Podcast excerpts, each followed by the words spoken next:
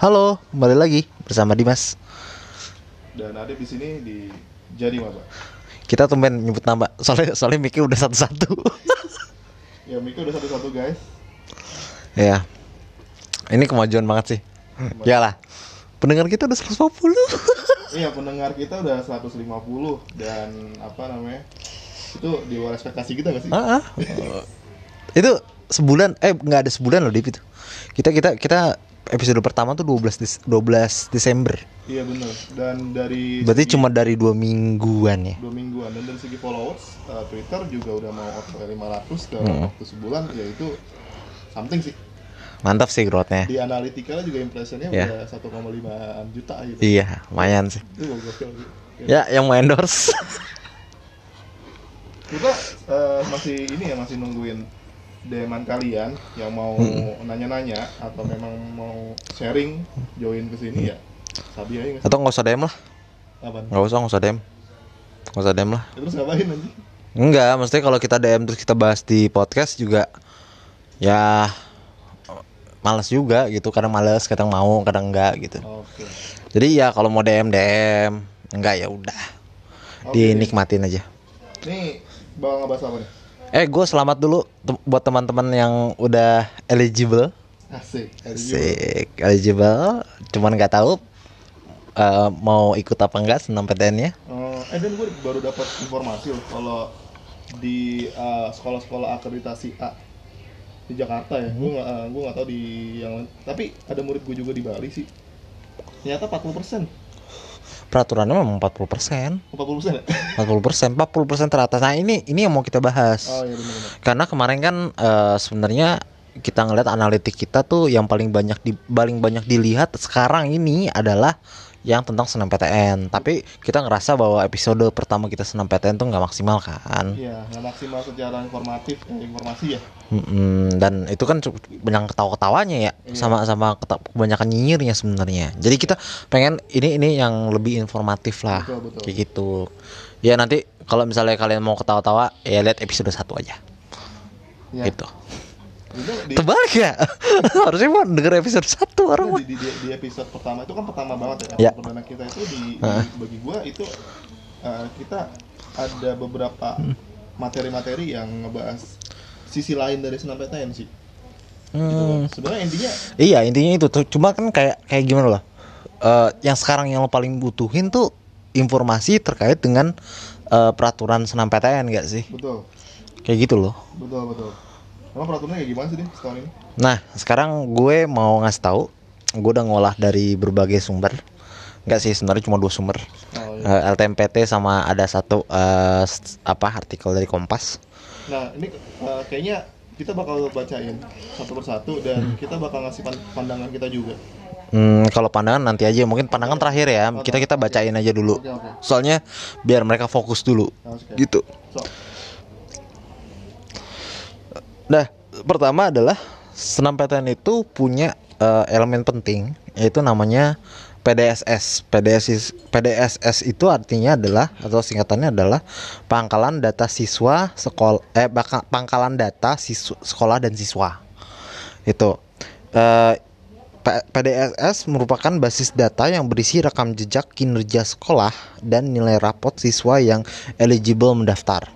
Nanti nanti akan gua akan gua kasih tahu juga eh, yang eligible mendaftar tuh kayak apa. ya betul. betul. Atau lu yang bacaan lah. Capek Oke. gua. Nah sebenarnya eh, menarik ya digunakan kata eligible. Gue juga Ya. baru tahu banget di tahun ini dibilangnya dengan istilah eligible. Eligible tuh bahasa Indonesia apa? Nah itu dia. Kenapa nggak dipakai bahasa Indonesia aja sih? Eligible enggak kalau bahasa Indonesia apa? Eligible tuh apa ya? Yang pantas nggak sih? Atau yang Tapi tapi tapi dinulis inilah siswa-siswa yang pantas mendaftar SNMPTN tuh kejam banget, Pak. iya benar. gitu loh kayak ya allah gue nggak pantes gitu kalau nggak kan aduh gue nggak eligible itu masih enak pak kedengerannya kalau nggak pantas tuh kayak ya allah segitunya gitu oke Ini di aturan kedua ya, gue Nih. di sini. PDSS tuh mengakomodasi kurikulum nasional 2006 Mm-mm. PTSP dan kurikulum 2013 Mm-mm.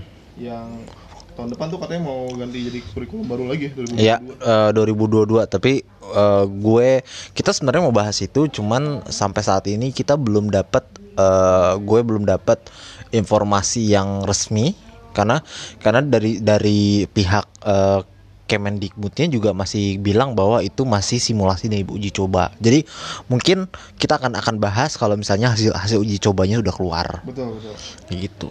Nah, terus di sini ada yang menarik nih, Den. Sekolah yang tidak menggunakan kurikulum nasional tidak diperbolehkan mendaftar PDSS. Emang ada? ya?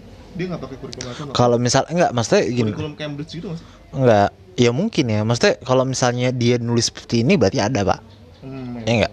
Jadi mungkin lo mungkin nggak tahu mungkin ya misalnya ada sekolah yang eh di Depok gitu misalnya kami hanya menggunakan kurikulum Depok gitu. Oh, iya. Tapi misalnya. kalau misalnya tadi yang seperti gue sebutin kurikulum Oh, gue ngerti Cam- pak. Itu. Gue ngerti pak. Yang maksudnya nggak nggak menggunakan kurikulum sekolah. Sekolah sepak bola. nggak mungkin, ya kan? Sekolah sepak bola nggak mungkin. Ya kan? Jadi sekolah sepak bola tidak boleh mendaftarkan anak-anaknya. Ya kan? Ya, ini yang poin ketiga untuk tahun ajaran dan tingkat yang sama, PDSS mengakomodasi perbedaan kurikulum antara semester ganjil dan genap. Oh, nih Pendapat lu gimana?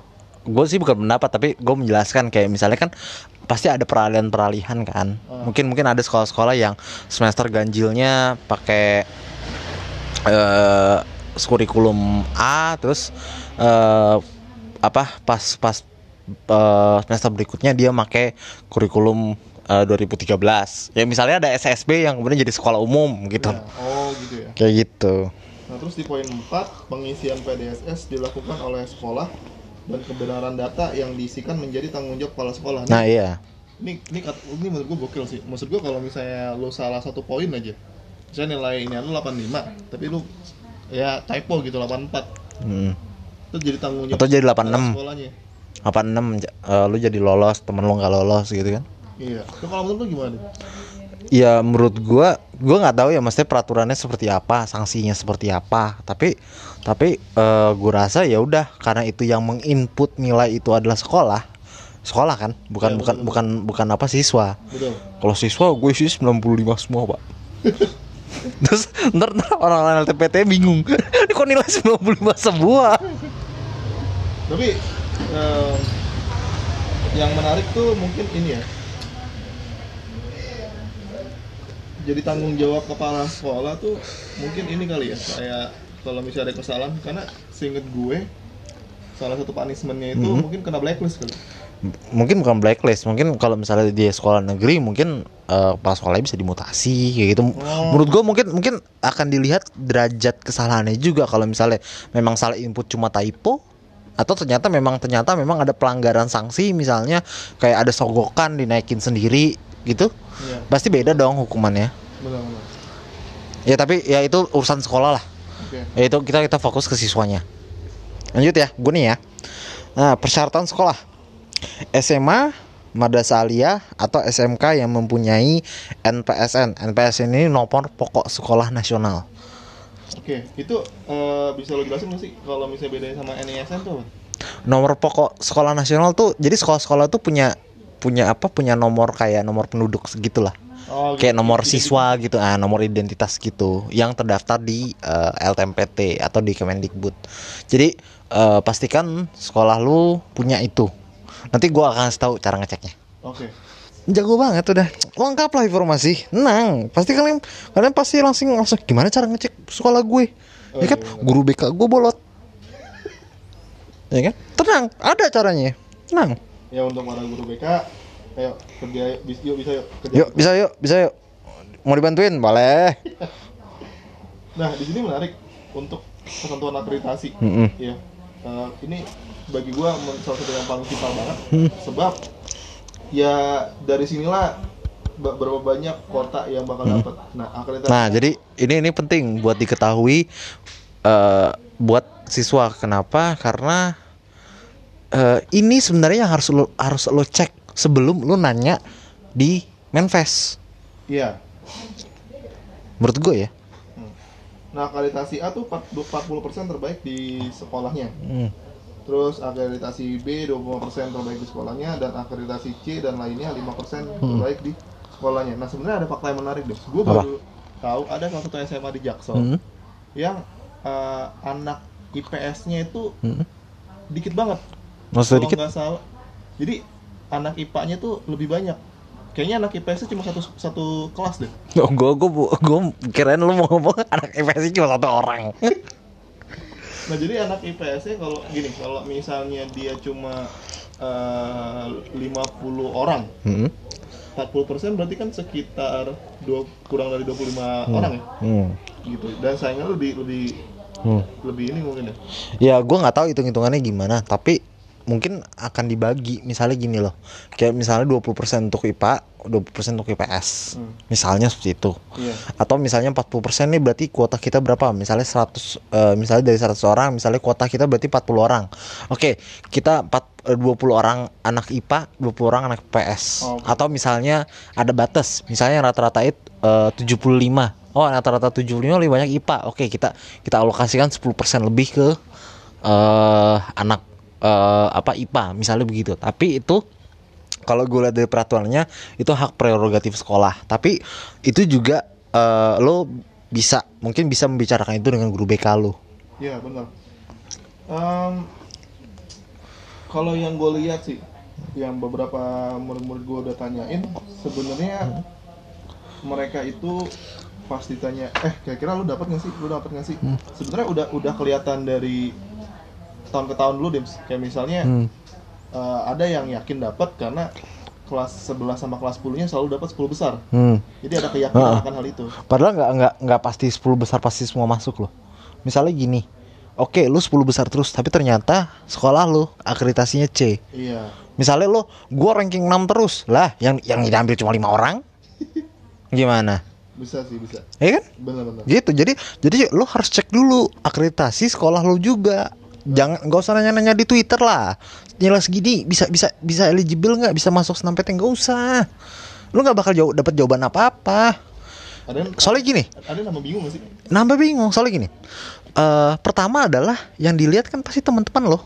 Bener gak Benar-benar. ya kan teman-teman lo nilainya berapa? Kalau ternyata misalnya jatahnya cuma 5% tapi teman-teman lo yang lebih bagus itu lebih dari 5% lo bisa nggak masuk eligible Bener. biarpun orang-orang Twitter bilangnya masuk kok masuk sekolah gue masuk ya lo pindah sekolah Iya, iya. gitu loh Iya, iya. atau misalnya ternyata wah der segini mah di sekolah gua nggak masuk ternyata sekolahnya pakai apa akreditasi C tapi ternyata di sekolah dia yang yang nanya itu itu ternyata 40% ternyata masuk tapi dia udah jiper duluan Iya. sehingga nggak daftar senam PTN itu kan bisa Dan lagi, lagi dan lagian orang ini gak sih? Rada malu gak sih kalau misalnya ngasih tahu, wah sekolah gua akreditasinya B. nggak biarpun bisa dicek gitu ya. Heeh, kayak gitu. Cek aja. Pertama pertama adalah cek dulu kuota sekolah lu. Hmm. baru lo mulai ngitung nih lo bakal eligible apa enggak kalau lo kalau nggak eligible lo bisa tanyakan ke BK lo istilahnya lo lo menggugat BK lo lah. Kayak gitu. Nggak usah nanya-nanya ke Menfest nilai segini segini segini eligible apa enggak nggak tahu ya kan lo kalau misalnya mau nanya eligible apa enggak lo masukin nilai lo sama nilai teman-teman lo jadi satu sekolah lo masukin sepatu lo tanya di Menfest Ya benar-benar. Terus di poin ketiga dia bilang gini, mengisi pangkalan data sekolah dan siswa, ini, ini sih udah pasti ya. Data, data siswa yang diisikan hanya yang eligible sesuai dengan Ya, data siswa ya. Ini ini harus diingat. Nggak tahu sih gue gue ini ini urusan sekolah ya. Ya mungkin di sini ada dengar bu guru atau bapak guru ya. Tolong ini dipatuhi banget. Tolong ini dipatuhi banget. Ya demi masa depan anak-anak juga lah ya. betul betul. Kita kita kita berharap banget, kita berharap banget eh eh, bapak dan ibu guru bisa membantulah proses ini karena di proses awal ini peran sekolah tuh penting banget. Betul. Uh, Sebenarnya yang bakal kerja keras banget di sini tuh guru BK. Soalnya gue pernah dengar, Sama staf TU. iya, gue pernah dengar karena uh, bimbingan konseling di sebuah sekolah yang bagus itu yang bisa memaksimalkan anak-anak itu lewat jalur undangan. Hmm. biar jadi gimana mereka berusaha biar misalnya nggak UI sentris atau misalnya ITB sentris biar bisa nyebar gitu Hmm. nah itu kan berarti kan ada, ada pendekatan dari BK-nya misalnya Ya. ada yang bu nilai saya segini tapi saya pengen banget masuk UI nah mungkin diusahakan gitu ada pendekatan secara psikologis kali uh, Ya. kalau misalnya gini-gini jadi soalnya ada sekolah yang bagus BK-nya karena bisa meloloskan secara merata Ya, ada ada sekolah tapi gua rasa lebih banyak sekolah yang BKI jelek nih. Ya, mohon maaf, mohon maaf. Lo kalau misalnya ngeliat LTMPT itu yang yang yang masuk akreditasi A tuh dikit, Pak. oh gitu ya Yang lebih banyak tuh akreditasi B dan C. tapi kalau misalnya sekolah itu penentuan akreditasinya menurut gimana sih Nanti kita ngomongin lah. Panjang itu. Itu itu kayak kayak kita ngomongin apa? Kita ngomongin eh eh, akreditasi kuliah itu. iya Panjang itu. Kayak gitu. Oke, lanjut ya.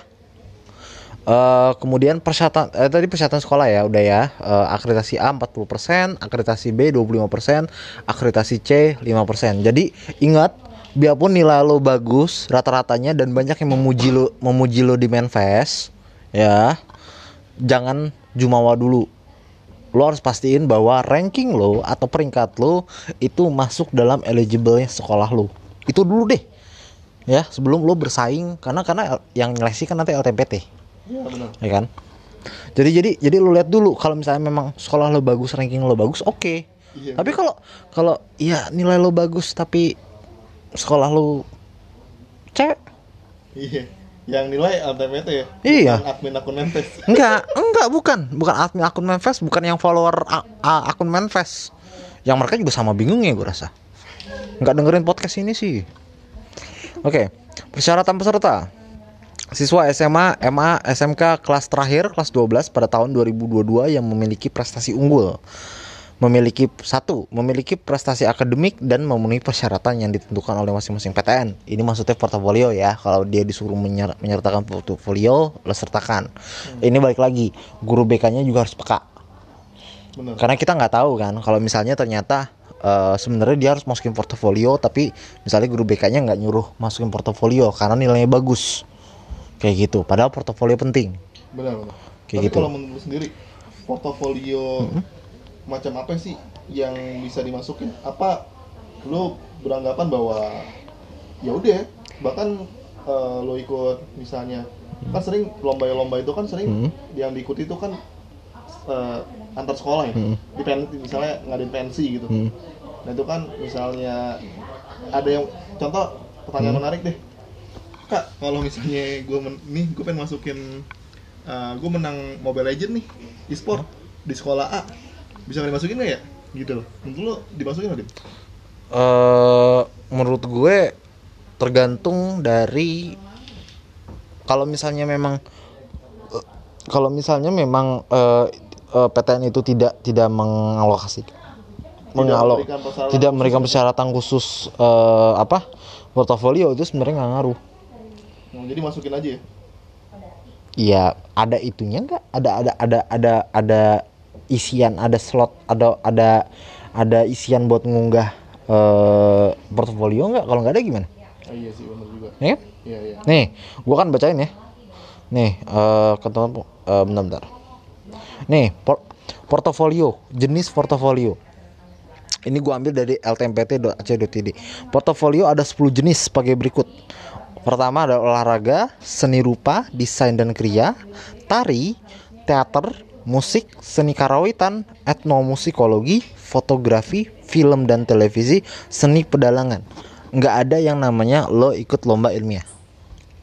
oh iya e-sport nggak ada ya Nggak ada. oh sayang banget padahal tuh Olahraga, seni rupa, dis, seni rupa, desain dan kriya, tari, teater, musik, seni karawitan, eh, etno etnomusikologi yang gua nggak tahu ini apa, fotografi, film dan televisi, seni pedalangan. Buat anak kelas 1, anak kelas 2 mendingan sekarang mulai sekarang lu menekuni, fotografi. Tapi gue juga nggak tahu ini harus nyambung sama jurusan juga kan. Ya jurusan sejarah nggak mungkin nerima portofolio fotografi, Pak. tapi portofolio apa portofolio ada ada film kan Iya. kebayang gak lo kalau misalnya ada yang masukin inian uh, dia youtuber Hmm. terus dapat itu tuh Apa? golden button Mm-mm. dimasukin tuh Hmm. Ya mungkin bisa aja tapi masa jadi pertimbangan apa enggak? Iya. Kalau misalnya nggak jadi pertimbangan ya gue rasa nggak bakal nggak bakal dihitung. Mau Atta Halilintar masuk ke UI dia mengupload eh dia pakai golden button juga gue rasa nggak bakal bisa diterima Oke, jadi sebenarnya intinya sih buat kalian yang masih kelas 11 atau kelas 10 Mm-mm. eh, sangat rekomend gak sih dari kita buat ikut-ikutan yang tadi disebutin sama nggak Mas ya?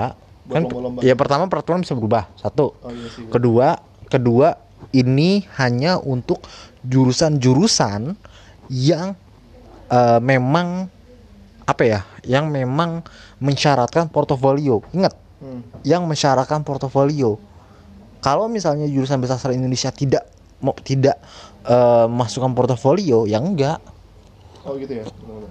gitu loh Tapi kebayang gak sih lo kalau misalnya gue pengen masukin sejarah, Hmm. walaupun ada portofolio, portofolio macam apa yang L- menang lomba puisi lomba debat-debat sejarah tuh? Hah? Enggak kalau gue Oh, sejarah. Hah. Sejarah pernah pernah pernah bikin lomba eh, drama sejarah, pernah bikin lomba eh, monolog sejarah. Itu tingkatannya eh, tingkatannya eh, apa eh, SMA sejabodetabek. Iya sih benar. Eh enggak, Sepuluh Jawa bisa. Oh iya. Gitu. sebenarnya Bisa aja. Semakin lo masukin portofolio yang relate dengan jurusan yang lo pilih, Iya. makin powerful gak sih? Ya sebenarnya kalau misalnya ada ada misalnya ada eh apa ya kayak kan kita ngisi data nih. Iya. Terus ada ada ada bagian unggah portofolio. Ya mungkin lu bisa ngunggah, tapi kalau nggak ada, Bikin link sendiri. nah gimana? Iya benar. Ya kan? Ya mungkin portofolio lu disimpan sama sama sama guru lo, tapi kan bukan berarti bisa diupload gitu loh. Benar benar. Nah sekarang kita lanjut ke pilihan program studi. Nggak, ntar dulu. Yang kedua adalah memiliki NISN terdaftar di PDSS. Oh gitu. Ya itu juga ada nanti eh, apa cara cara apa cara itunya cara me, me- apa meng- Mengisi. mengisinya atau cara buat mengeceknya. Cuma nanti bukan di episode ini, tapi di episode berikutnya. Yang tiga, Memiliki nilai rapor semester 1 sampai dengan 5 yang telah diisikan di PDSS. Mm-mm. Jadi 6 sekali lagi 6 nggak masuk ya. no nggak masuk ya. Jadi jadi percuma kalian belajar keras di semester 6 Sebenarnya kalau menurut gua semester 6 itu apa ya? Ya kan udah gue bilang, udah lah SMA tuh sampai 5 semester aja. Langsung lulus gitu loh. Kan enak. Peserta yang memilih terus ada peserta yang memilih memilih program studi bidang seni dan olahraga wajib mengunggah portofolio. Bahkan di aturan LTPT aja mereka cuma menyebutkan yang wajib hanya seni dan olahraga. Berarti yang lainnya tidak tidak wajib dan bahkan mungkin nggak ada nggak ada nggak ada apa nggak ada bagian unggahannya. Oh iya iya. Itu. Lanjut, Tip. Kau minum dulu. Tapi eh di sini ada nggak sih peraturan lu bisa masukin itu oh ya itu portfolio. Soal sertifikat maksud gua. Iya sama. Oh sama ya? Ya sekarang kalau misalnya nggak ada slotnya pak, Iya. nggak ada nggak ada apa nggak ada nggak ada apa ya kayak- nih gini, gimana cara lo ngisi nama kalau misalnya nggak ada bagian nama? Iya iya. Mau lo, lo punya nama, lo semua orang punya nama pak. Tapi kalau dia nggak minta nama gimana? Gitu loh. Oke lanjut. Terus ketentu apa? Ketentuan. Pilihan program studi. Yang pertama, setiap siswa dapat memilih dua program studi dari satu PTN atau dua PTN. Eh, yang kedua, jika memilih dua program studi, salah satu harus berada di PTN pada provinsi yang sama dengan SMA, MK, atau SMK yang asalnya. Jika memilih program satu program studi, dapat memilih PTN yang berada di provinsi mana pun. Nah, sebenarnya ini udah pernah Dimas bahas Ya. di, atau sama gue juga bahas tentang Gue lupa episode mana itu ya. episode ada memaknai peraturan. Oh iya. Atau kalau di situ nggak ada ya kalian cek atau tuh lah. Ya, oke.